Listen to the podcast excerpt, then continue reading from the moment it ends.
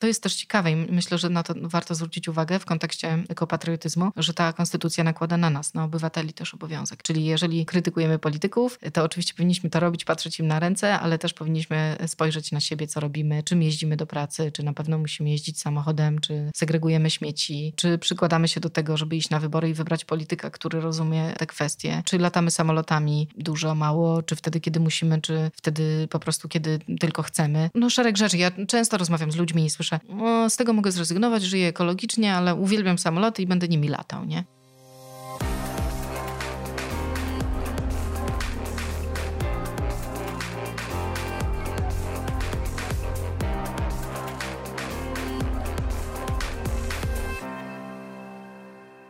Krzysiek Grzyman, Zielony Podcast, dzień dobry. Dziś e, porozmawiamy o ekopatriotyzmie, jako że rozmawiamy w przeddzień Święta Niepodległości. Gościem jest Katarzyna Karpa-Świderek, rzeczniczka WWF Polska. Dzień dobry. Dzień dobry, witam serdecznie. Ja no, powinienem to dokładnie powiedzieć. WWF Polska.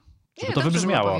Nie, nie, nie, bo tak no mówisz WWF Polska. WWF Polska. No właśnie, czyli organizacji ekologicznej. Wy robiliście w tym roku duży raport a propos postaw Polaków. Robiliście też raport e, a propos zmian klimatycznych e, i zaczęliście rozmawiać i promować hasło ekopatriotyzmu. Coś, co wydaje mi się, że w Polsce, jak cokolwiek dodajesz do patriotyzmu, to już się robi niebezpiecznie, bo już się zaczynają wtedy ataki. Ale zacznijmy od początku, czym jest ekopatriotyzm. No my uznaliśmy, że w czasach pokoju postawą patriotyczną, czyli jakby wyznacznikiem postawy patriotycznej jest dbanie o świat, w którym się żyje, o środowisko, od którego zależymy i z którego czerpiemy. No więc y, tak jak w czasach wojny, które są krwawe i okrutne, ludzie przelewają krew za ojczyznę, to w czasach pokoju powinni e, wszystkie swoje siły kierować na to, żeby miejsce, w którym żyją, po prostu było dla nich y, domem bezpiecznym, czystym, w którym będą mogli zdrowo się rozwijać i będą mogli wychowywać dzieci i te dzieci będą mogły zdrowo żyć i ich dzieci też, czyli to jest takie myślenie o świecie tu, ale też z myślą o tym, co będzie za jakiś czas. I wbrew pozorom, może to e, wydaje się być oczywiste, że każdemu z nas powinno to przyświecać, jeżeli popatrzymy na stan środowiska, na stan siedlisk w Polsce, które są w większości w stanie złym, na to, jak gospodarujemy lasami, co dzieje się z Bałtykiem i co dzieje się z rzekami, to okazuje się, że póki co jest to zadanie, które nas nieco przerasta. Ja powiedziałem, że to jest dość kontrowersyjne mówienie o patriotyzmie w innym kontekście, bo pamiętam, może to akurat był też błąd z drugiej strony politycznej, ale pamiętam, co się działo, gdy czekoladowy orzeł pojawił się 11 listopada i to zostało strasznie skrytykowane i w zasadzie chyba przez publicystów i komentatorów z obydwu stron y, sceny politycznej.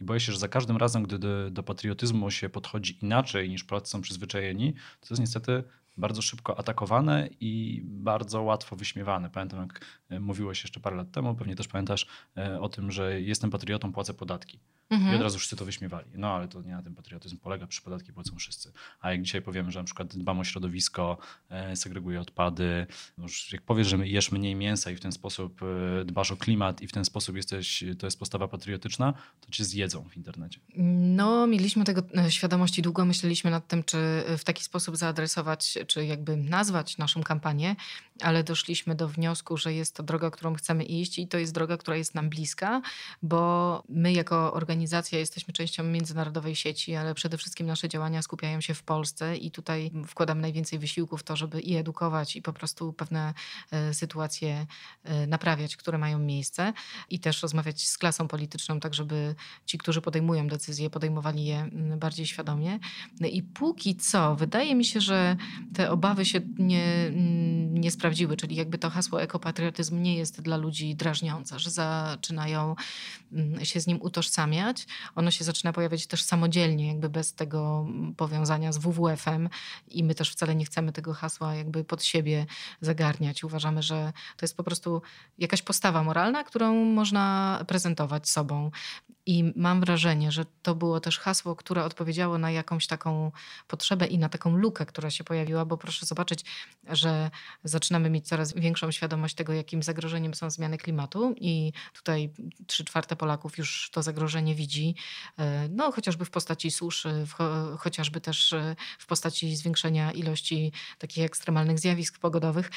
Zaczynamy widzieć to, że toniemy pod plastikiem i jesteśmy nim po prostu wszech otoczeni, że ten plastik nawet mamy w sobie, tak? czyli ten 5 gram plastiku, które tygodniowo spożywamy, czyli wielkości jednej karty kredytowej kawałek plastiku wchłaniamy z pożywienia odżywieniem i z innymi porami ciała. Widzimy też, że mamy problem z wymieraniem gatunków. Szczególnie widzą to ci, którzy też gdzieś trochę wychylają nos poza nasze granice i podróżują i widzą, że giną też te najcenniejsze ekosystemy, które są pomiędzy zwrotnikami, ale także u nas przecież straciliśmy bardzo wiele gatunków i nadal je tracimy. Więc jakby tak zmierzając do brzegu, w odpowiedzi na twoje pytanie, wydaje mi się, że to była taka luka, czyli jak połączyć to, że zależy mi na środowisku, a jednocześnie zależy mi na naszym kraju. I to hasło trafiło w punkt i ja bym chciała, żeby ono żyło, żeby ta postawa się po prostu upowszechniła, bo wszystkim nam po prostu będzie lepiej, dostatniej, bezpieczniej, zdrowiej i tak dalej. Ukuliście sobie ten termin na początku roku i potem zrobiliście badania. I co z tych badań wynika? Że ekopatriotyzm to jest w Polsce nisza? Czy gdyby, pomijając samą metkę, e, nazwę, gdy, gdyby spojrzeć na badania postaw Polaków, to okaże się, że tak naprawdę to się staje masowe? Nie robiliśmy jeszcze takich badań pod kątem samego ekopatriotyzmu. To kolejność wyglądała w ten sposób, że my zaczęliśmy już w zeszłym roku pracować nad takim raportem Polska dla pokoleń. To jest taki raport, który mogą Państwo sobie zresztą ściągnąć w całości. On jest na stronie ekopatrioci.pl. I to jest raport, w którym zrobiliśmy e, taką symulację dwóch ścieżek rozwoju naszego kraju. Jedna ścieżka to był taki business as usual, czyli że dalej idziemy tą drogą, którą idziemy, czyli powoli robimy transformację energetyki, bardzo powoli odchodzimy od węgla, żeby nikogo, broń Boże, nie zabolało. Oczywiście tutaj mówiąc nie zabolało, e, trzeba wziąć w nawias tych ludzi, których boli, bo po prostu umierają albo chorują z powodu zanieczyszczenia powietrza, no ale oni nie są wliczani często jako koszty użycia węgla w Polsce niestety, a powinni. E, no więc zrobiliśmy sobie jedną taką symulację, gdzie realizujemy różne plany y, polityki rządowej, które są założone, i drugą taką, gdzie podchodzimy bardzo ambitnie. I to jest takie w ogóle słowo klucz, bo jak słyszę od polityków, że trzeba powoli coś robić, to sobie myślę, hmm, powoli, no fajnie, no, może pan czuje, że ma komfort robienia czegoś powoli, ale większość świata niestety tego komfortu już nie ma. No więc taki y, naprawdę ambitny scenariusz, w którym robimy te zmiany szybko, te zmiany kosztują, ale też kosztują pieniądze, które gdzieś wydajemy indziej, czyli możemy je po prostu przekierować, zamiast wydawać na przykład rocznie 9 e, miliardów złotych na wsparcie elektroenergetyki i górnictwa, wydajemy te pieniądze na OZE. Tak? To się da zrobić, czyli tak naprawdę może być mhm. bilans ten sama. Będziemy wszyscy zdrowsi i szczęśliwsi. No więc y, te dwa scenariusze mamy, policzyliśmy to, zrobiliśmy to z firmą Boston Consulting Group, bo chcieliśmy wyjść też poza e, taki krąg może organizacji ekologicznych, w tym sensie, żeby nie zarzucono nam, że sami sobie to policzyliśmy, więc powiedzieliśmy, dobrze, dajemy to rynkowi, niech to rynek policzy, ma wszystkie dane, które są na świecie i niech je weźmie pod uwagę. Oczywiście w cudzysłowie na świecie, bo chodziło o dane z Polski. No i ten raport mieliśmy. No i teraz tak, mamy raport, on ma 160 stron, są w nim cztery wielkie obszary, czyli klimat, rzeki, lasy i Morze Bałtyckie.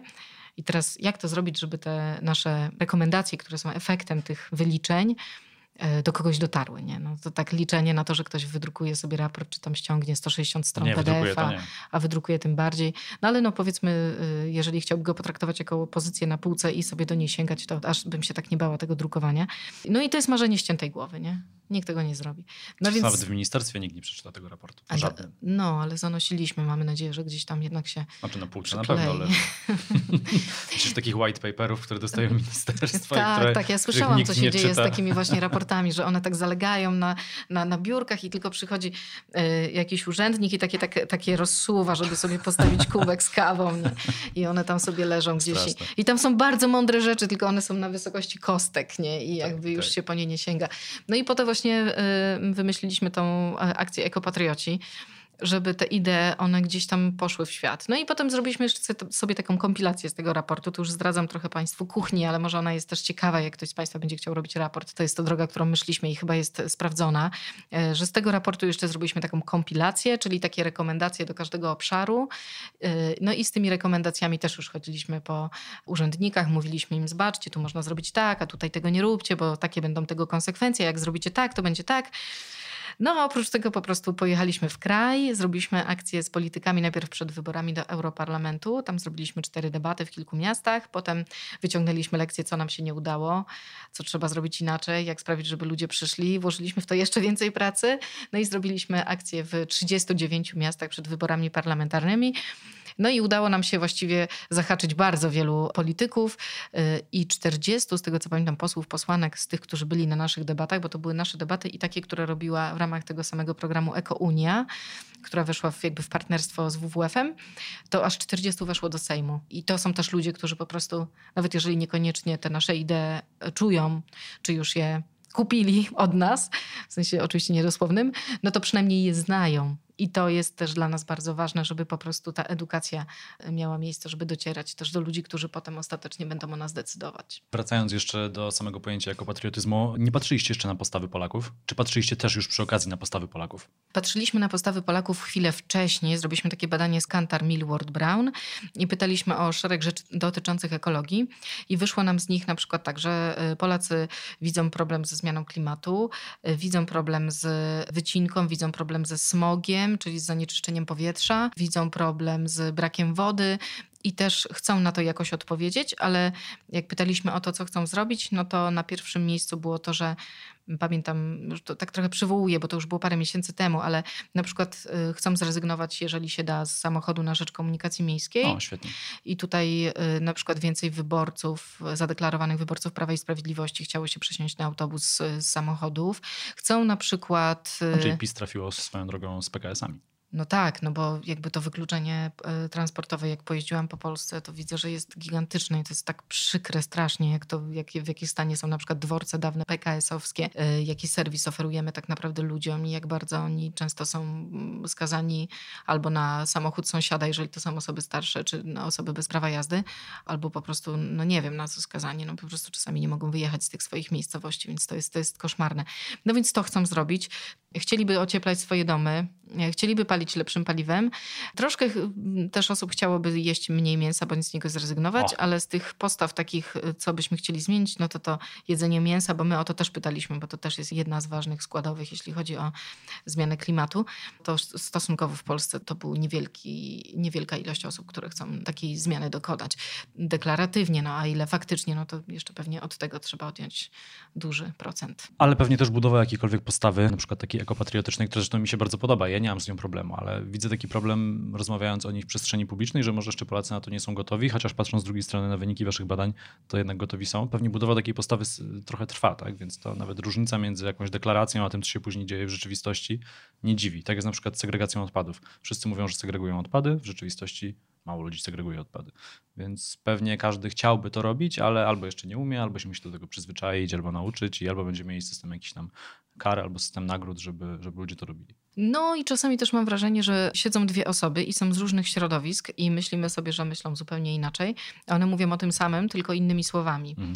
I jeżeli się dobrze wsłuchać w to, co mówią, to na końcu wychodzi, że ludzie jakby wspólnie mają poczucie, że trzeba dbać o środowisko i to wychodzi w naszych badaniach, że uważają, że państwo ma obowiązek y, dbania o środowisko i ponad y, połowa uważa, że też niewystarczająco dużo robi, żeby ten stan środowiska poprawiać. I też widziałam takie badania, to już nie były z kolei nasze, ale one mówiły, że to, co my widzimy, taką silną polaryzację w polityce pomiędzy tam y, y, prawą a lewą stroną, no, powiedzmy też to ciężko w Polsce do końca sklasyfikować, no. co jest prawą, a co lewą, bo wiemy, że to się nie do końca, te, te przykłady anglosaskie przekładają, prze, przekładają się na nas, ale że ta polaryzacja polityków, ona się nie przekłada na polaryzację wyborców i wbrew temu, co mówią politycy konkretnych partii, y, w kwestiach środowiskowych wyborcy często są zgodni, mimo tego, że głosują na różne partie. I dlatego tak bardzo nam zależało, żeby dotrzeć nie do y, jakiejś części y, i zamknąć się na inną część Polaków, tylko żeby rozmawiać ze wszystkimi, bo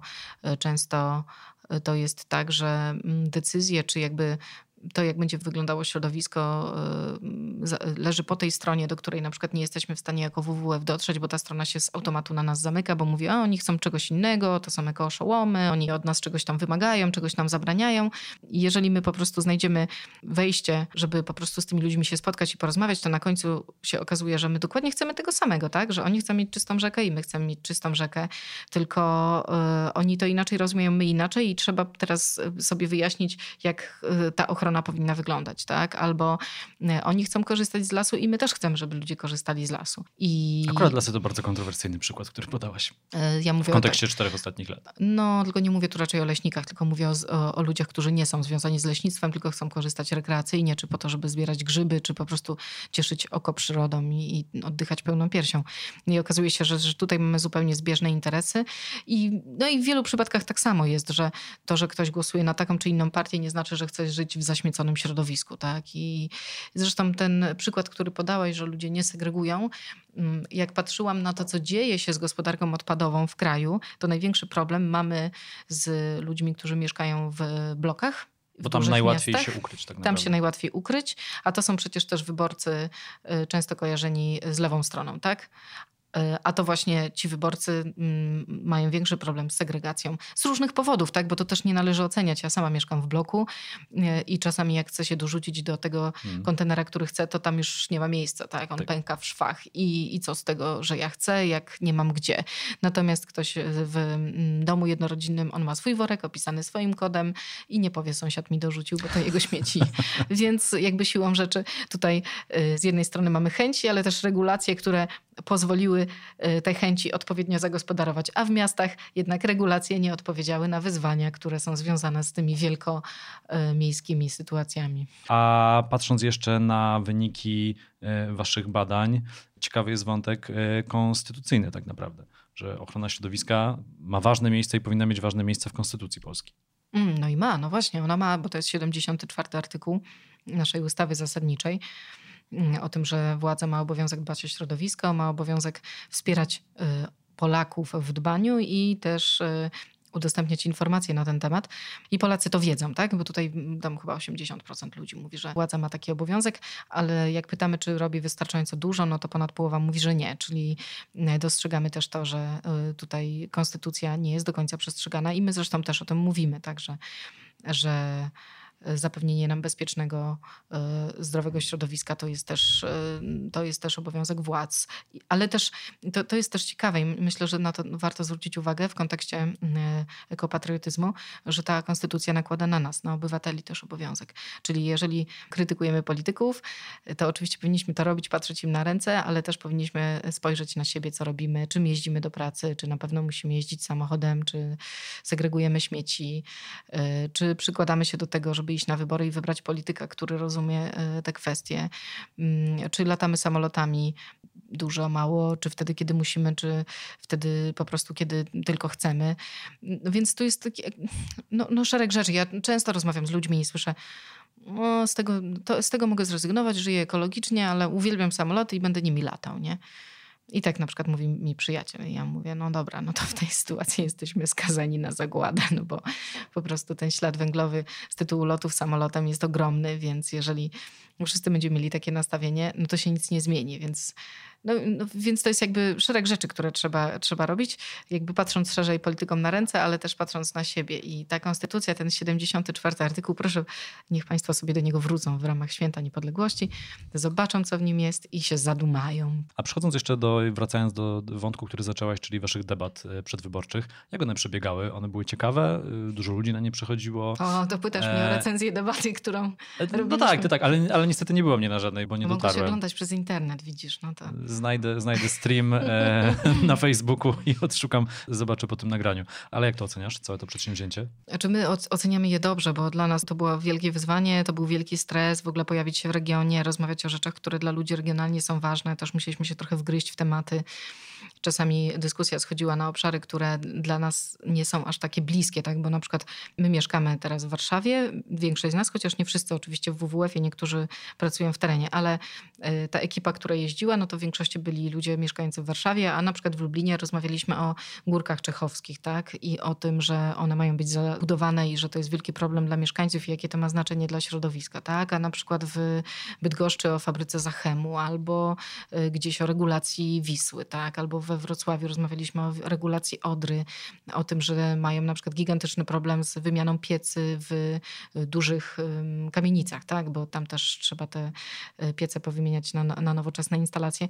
Więc my musieliśmy się przez to przegryźć, natomiast e, przez te tematy czasami przyznać, że po prostu ktoś, kto przychodzi wie lepiej i też po to nawiązywaliśmy relacje z ludźmi na miejscu, na przykład, żeby ktoś przyszedł z organizacji, która zajmuje się smogiem, to zna świetnie to mm, da, dane miasto i może posłowi zadać pytanie dokładnie w punkt, bo mm, wiadomo, no, polityk idzie i mówi i będzie ci mówił ogólne formułki o tym, jak działa i o tym, jak wszystko jest ważne, a ludzie, którzy są na miejscu widzą na przykład, no dobrze, no ale panie pośle, był pan radnym i wtedy nie głosował pan za tym i za tym, albo na przykład nie zrobił pan czegoś, no jak pan to wytłumaczy, albo co pan zamierza teraz zrobić, więc dla nas to była też wartość, że tych ludzi y, z terenu przychodziło sporo i oni mogli też z tymi posłami się spotkać, potem wypić kawę, zjeść ciasteczko, albo nie zjeść, ale po prostu stanąć i pogadać. I, I dla nas to było istotne. Przychodziły media, spisywały. Niektóre y, wypowiedzi polityków przeszły nawet, y, że tak powiem, u nas, w, przynajmniej w organizacji, przeszły do języka mówionego jako anegdoty że na przykład ryba to też ssak. Jeden, jeden z kandydatów na posłów tak powiedział. Albo, że na przykład można też palić ekologicznie ekogroszkiem, tylko trzeba nakładać od góry. No było takich sporo, sporo rzeczy, które można uznać za pewnego rodzaju kwiatki. No ale też pojawiło się dużo e, wypowiedzi, deklaracji mądrych, jakichś takich zamierzeń co do tego, co będzie trzeba zrobić, jak się już wejdzie do tego Sejmu i będzie mogło podnieść rękę za lub przeciw konkretnemu problemowi. I to było dla nas ważne. Czy było ciekawie? No ja sześć z tych debat prowadziłam osobiście i mi tak szybko ten czas płynął, ale to też oczywiście jest inaczej, jak się siedzi mm, i się tą debatę prowadzi. Natomiast większość z reszty debat oglądałam i też mi się nie dłużyło, więc mogą Państwo uznać, że ja jestem po prostu takim frikiem i, i lubię takie długie debaty, ale uważam, że było naprawdę fajnie i ciekawie i chyba tego troszkę może być takim symptomem to, że ludzie mówili za krótko, za krótko, jeszcze byśmy chcieli porozmawiać.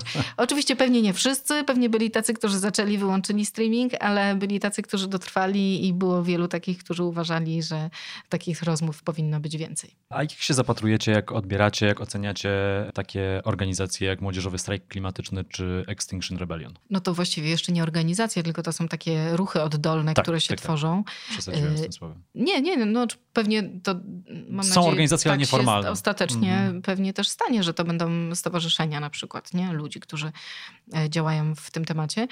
No my odbieramy je jako mm, coś fantastycznego. Znaczy to w ogóle jakby to daje taki impuls do działania też takim ugruntowanym organizacjom jak nasza. Też nas wyciąga trochę pokazuje, że można inaczej, albo że ten kapitał jest, nam daje też taki sygnał, że czasami jak gdzieś tam się czujemy mocno atakowani, że nie jesteśmy sami, że są ludzie, którzy też widzą tą potrzebę i że tam ci młodsi ludzie też mają dużą świadomość tego, że jesteśmy w takim zwrotnym momencie i mają ją na dużo wyższym poziomie niż politycy, którzy przeżyli całe swoje życie mm, w takim kraju, jakim przeżyli.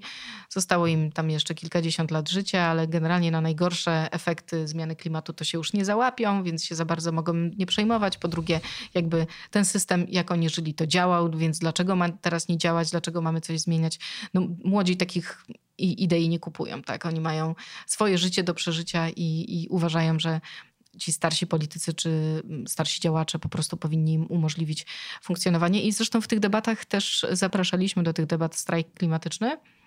I to były najbardziej żywe y, fragmenty, bo młodzi się nie dają zbyć i nie dają się gdzieś tam uciszyć i wbrew temu, co myślimy, że się na przykład, nie, czasami myślimy, że się może zawstydzą, że może jakieś polityki zgasi, to absolutnie nie, no to raczej trzeba było mówić potem młodym, dobra, dobra, już zostaw, dobra, już odpowiedział, no, no już powiedział, no już więcej ci nic nie powie, no już zostaw. No.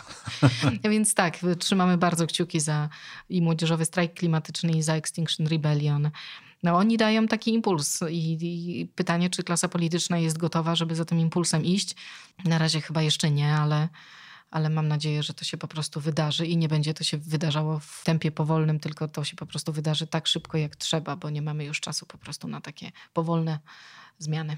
MSK, Młodzieżowy Strajk Klimatyczny, zrobił jeszcze jedną fajną rzecz przed wyborami, czyli zebrał deklaracje od partii politycznych. W konkretne punkty, z konkretnymi podpisami konkretnych ludzi, więc będzie mógł fajnie rozliczyć tych polityków za parę lat przed kolejnymi no wyborami. No tak, no tak, no absolutnie. To, to są takie rzeczy, do których my bardzo zachęcamy.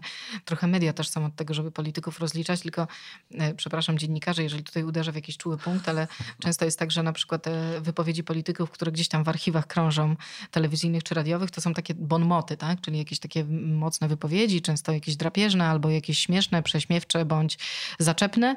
Natomiast brakuje często wiedzy o takich y, poważnych deklaracjach, które były złożone i nie zostały dotrzymane. Więc no, my na przykład też po to robiliśmy tę debatę, żeby do tych deklaracji polityków wracać. No i mam nadzieję, że młodzież też wykorzysta te deklaracje i będzie y, polityków rozliczać. No pytanie, czy jak oni ich rozliczą, my rozliczymy, czy dalej coś z tego będzie, bo na koniec to muszą rozliczyć wyborcy. A wyborcy, jak pokazuje rzeczywistość, nie zawsze rozliczają polityków za nieetyczne działania, bo jak polityk jest mocny w danym regionie, to on i tak zbierze głosy, mimo tego, że Mm, działał w taki sposób, że na logikę nie powinien na przykład ponownie kandydować, a już na pewno wejść do Sejmu. A to się potem wszystko sumuje, no i jest taki wynik, jaki jest. Ostatnie pytanie. 11 listopada to też dzień, w którym zawsze patrzymy na Pałac Prezydencki. Przed nami wybory prezydenckie w przyszłym roku. Myślisz, że tematy zielone gdzieś mogą się pojawić w kampanii, albo chociaż powinny się pojawić w kampanii? No wiemy, jakie jest podejście prezydenta Andrzeja Dudy, na przykład dotyczące węgla i jego eksploatacji, e, ale z drugiej strony patrząc na prerogatywy prezydenta, który też reprezentuje kraj na arenie międzynarodowej, dzieli to jakoś z Ministerstwem Spraw Zagranicznych, a większość porozumień tak naprawdę klimatycznych no to są porozumienia międzynarodowe. No. Rzadko który kraj wychodzi z własną inicjatywą i mówi, że sam coś zrobi, potrzebna jest tutaj współpraca. Może to jest jakieś pole też do debaty przed wyborami przyszłorocznymi. Przed tymi wyborami udało się te ekologiczne tematy w kampanii zakorzenić i to było coś, z czego się niezwykle cieszyliśmy. Nawet jak zrobiliśmy nasze ekopatriotyczne debaty, to ta ostatnia debata robiona z Onetem, y, to cieszyła się dużym zainteresowaniem i też przyszedł minister środowiska, co było fajne, dlatego że no jakby debatowanie na, na najwyższym szczeblu właśnie oznacza, że trzeba debatować z tymi ludźmi, którzy mają realny wpływ, którzy kształtują prawo i to było bardzo dobre. Więc mam nadzieję, że w wyborach prezydenckich te tematy się pojawią znów. Y, ja się cieszę z tego, że zieloni weszli do parlamentu małą reprezentacją, ale jednak widać, że ta zielona siła też jest bardzo mocna w wyborach, była mocna w wyborach europarlamentarnych we Francji, w Niemczech y, i ta tendencja się nasila, to już nie jest nisza, tak? To już w Unii Europejskiej to już dawno nie jest nisza, to już jest właściwie mainstream, tak? Czyli mhm. te ekologiczne tematy, one jakby warunkują też nasze przetrwanie, więc jakby zajęcie się nimi i, i tam to zrozumienie jest. U nas tego zrozumienia jeszcze do końca nie ma. Chociaż duże partie biorą, ale no, duże do swojej partie... agendy wpisują tak naprawdę te tematy. No my porównaliśmy na przykład to, jakie były programy przed wyborami ostatnimi, czyli w 2015 i 2019 roku. No i różnica jest kolosalna we mhm. wszystkich partiach. Jakby na agendzie się pojawiły tematy ekologiczne i no mamy też politykę ekologiczną państwa. Ona nam nie we wszystkich punktach się podoba, ale przynajmniej taki dokument długofalowy, strategiczny jest i to jest dobre. Y, więc no, liczę na to, że kampania prezydencka też będzie się odwoływała do tych tematów. To jeszcze może zamykając, my od tego zaczynaliśmy każdą debatę, że z badań, tym razem dla Rzeczpospolitej, wynika, mm, że dla Polaków zmiana klimatu i środowisko jest drugim najważniejszym tak, tematem po, ochronie zdrowia, zdrowia, co oznacza, że y, ten temat w sposób naturalny powinien się pojawić. Jeżeli polityk ma wyczucie, no to powinien po prostu się tym też zająć. No a myślę, że prezydentowi Andrzejowi Dudzie będzie się to o 200 lat y, zasoby, zasoby węgla na 200 lat jeszcze odbijało długo czkawką. Też mi się tak wydaje, chociaż pewnie są regiony Polski, gdzie się to przydaje. Tak jest. E, Katarzyna Karpa-Świderek, rzeczniczka WWF Polska Organizacji Ekologicznej. Bardzo dziękuję. Dzięki serdeczne. Krzysiek Grzyman, do usłyszenia.